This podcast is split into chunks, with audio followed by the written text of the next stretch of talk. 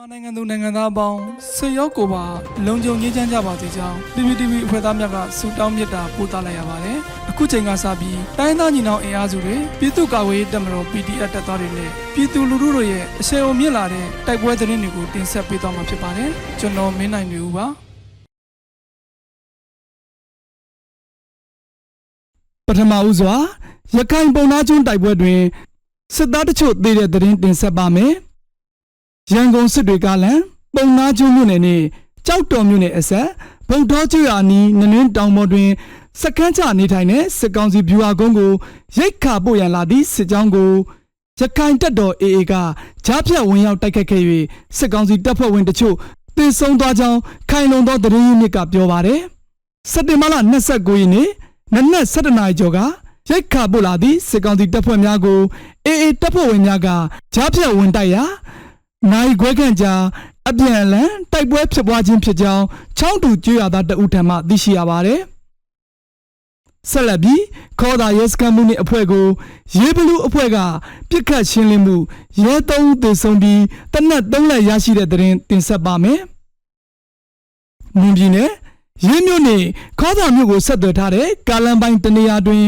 ခေါ်တာမြို့မှာရဲစခန်းမှုနှင့်အဖွဲ့ကိုရေဘလူးအဖွဲ့က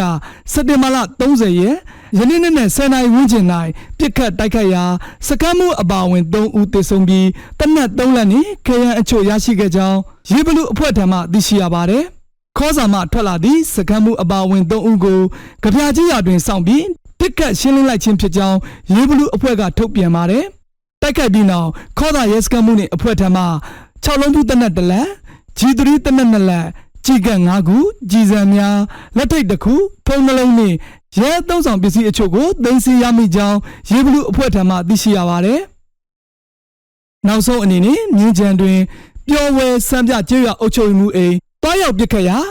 အုပ်ကြီးနှင့်စစ်သားများထားခဲ့တဲ့တနက်9လက်ရရှိတဲ့သတင်းတင်ဆက်ပါမယ်။မန္တလေးတိုင်းမြင်းကြံမြို့နယ်ပျော်ဝဲစံပြကျေးရွာအုပ်ချုပ်ရေးမှုအိမ်ကိုတွားရောက်ပစ်ခတ်ရာတွင် အုပ်ချုပ်ရေးမှုနှင့်စစ်သားများထားခဲ့တဲ့တနက်9လက်ရကြောင်းမြင်းကြံလူမှုလှုပ်ရှားမှုကော်မတီကသတင်းထုတ်ပြန်ပါတယ်။စက်တင်ဘာလ29ရက်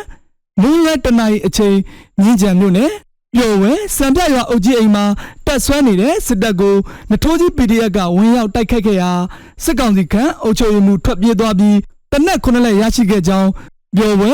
စံပြရွာစက္ကစခန့်အုပ်ကြီးအိမ်ကို PDF က